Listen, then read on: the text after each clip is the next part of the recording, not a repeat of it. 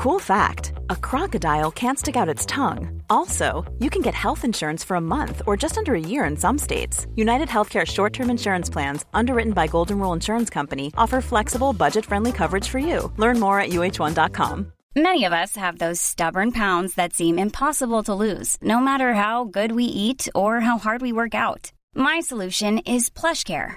PlushCare is a leading telehealth provider with doctors who are there for you day and night to partner with you in your weight loss journey. They can prescribe FDA-approved weight loss medications like Wegovy and Zepbound for those who qualify. Plus, they accept most insurance plans. To get started, visit plushcare.com slash weight loss. That's plushcare.com slash weight loss.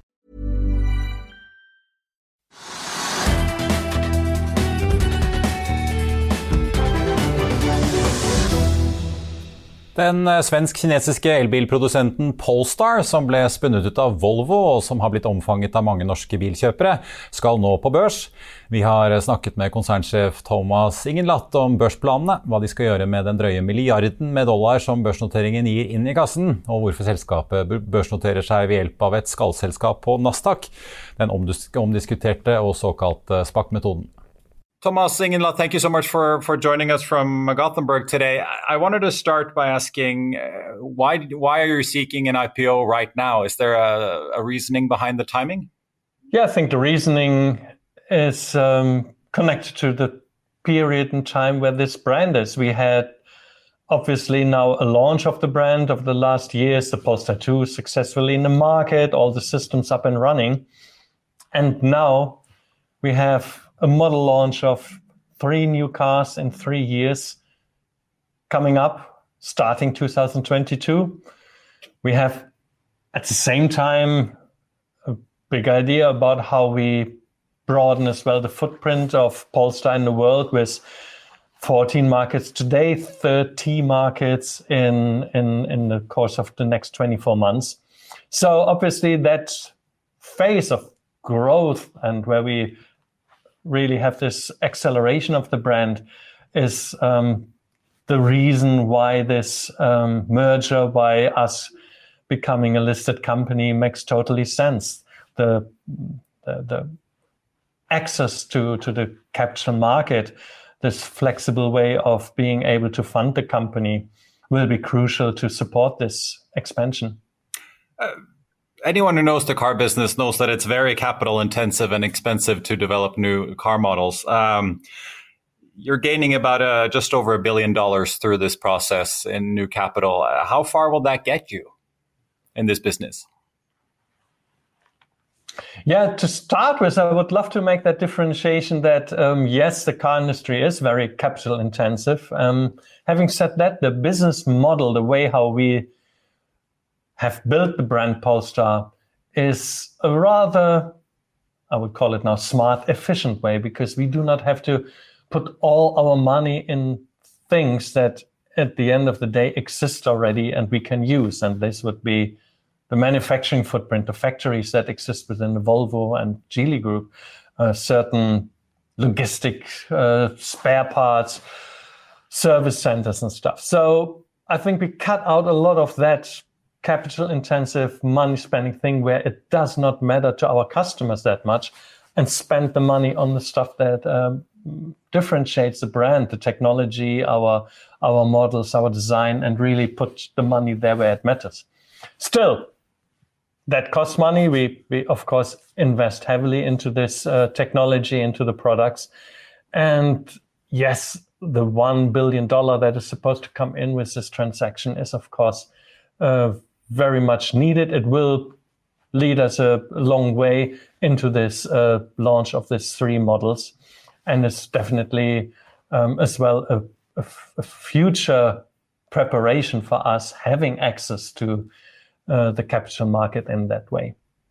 Can you uh, talk to us about the the sort of choices you've made financially here with this IPO? You've uh, gone with a with a SPAC, uh, and uh, the current owners will be diluted to about 94% uh, ownership. Uh, I mean, in the US, the SEC has been very critical of some of these SPAC IPOs in the past.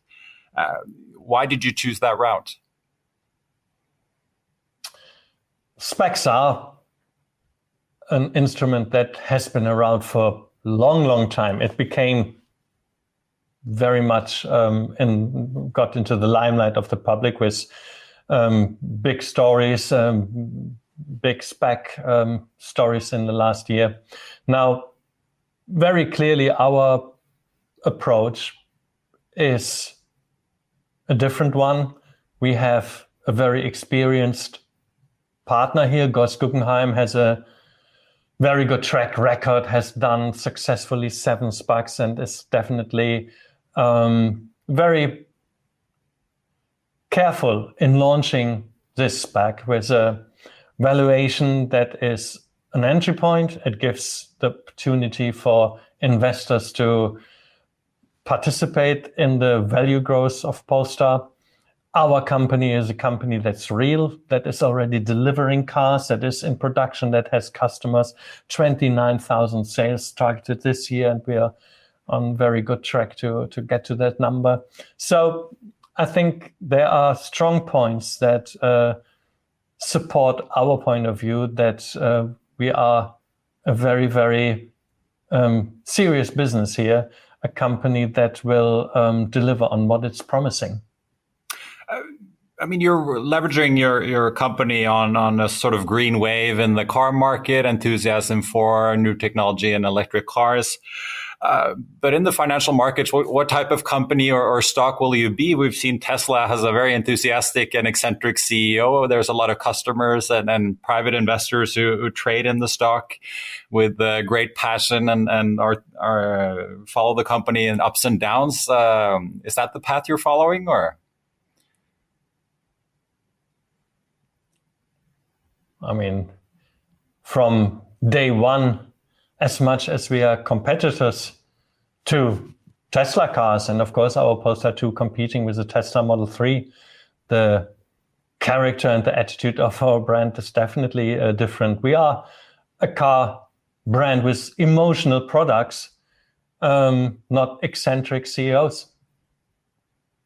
That's good to hear. Uh, the last part I wanted to talk to you about are, are these new models and also the growth you uh, you talk about here. I mean, you're talking about moving from 10,000 to 290,000 units a year uh, by 2025. That's a massive growth. Uh, we've seen Polestar obviously in, in, European markets, in the US. Uh, what other markets will we see Polestar enter in the coming years?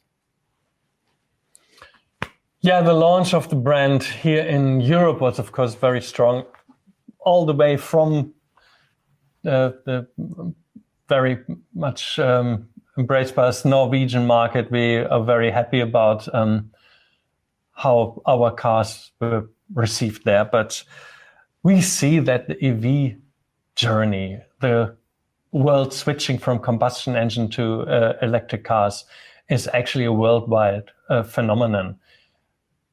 you, in a way, are leading the way um, with Norway, but from the north to the south of Europe, this is uh, developing. We have in the US, you know, a year ago, people would have said it's enough to have a couple of showrooms on the West Coast, maybe one in New York. Now it's very clear. We, we expand from four showrooms to 30 showrooms because um, throughout the US, you find these EV hotspots where the EV market is developing. And then a third aspect of it it is, yes, China, but it is as well other markets in Asia Pacific. And we are entering now in South Korea. We are going to Australia, even um, New Zealand, Singapore.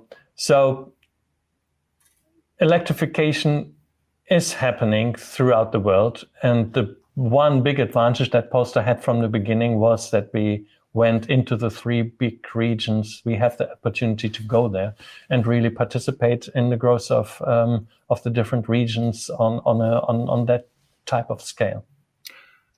Last question. Uh, people who've uh, been watching Polestar uh, have uh, seen your Polestar 1, which caught the eye of anyone who's interested in design and, and cars, obviously. Polestar 2, very popular here in Norway as a, both a family car and, and sort of um, leisure lifestyle, uh, semi off roading, uh, do anything car. Uh, you're previewing now a new SUV next year and two more models. Um, can you, or will those be sports cars, or what can we what can we expect?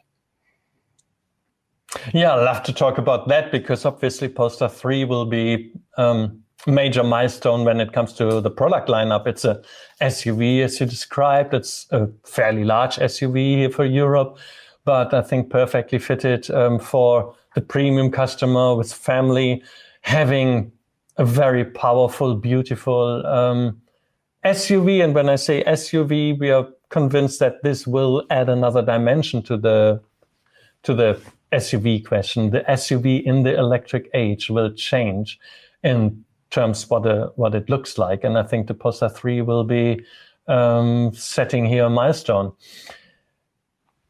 We have this beautiful Polestar Precept out there. This behind you, uh, actually, yeah. um, this this beautiful GT. Um, yeah, you might see it here even in the background. Um, and of course, we were really happy that um, we found a way. We we made it possible that we developed now the technology to put exactly this car uh, in production. Um, our UK R&D team is busy making this possible, um, and it will be an, an awesome product. And uh, I'm, I'm very sure that the uh, no Norwegian connoisseurs will will be very happy about uh, test driving and ordering this car as well. Uh, Thomas Ingenlath, thank you so much. I'm sure uh, Norwegian customers will be all over your website to, to check these models out. Uh, but you have some fierce com competition coming as well. All the best. Thank you so much. Yeah, thanks a lot for your time this morning. Thank you.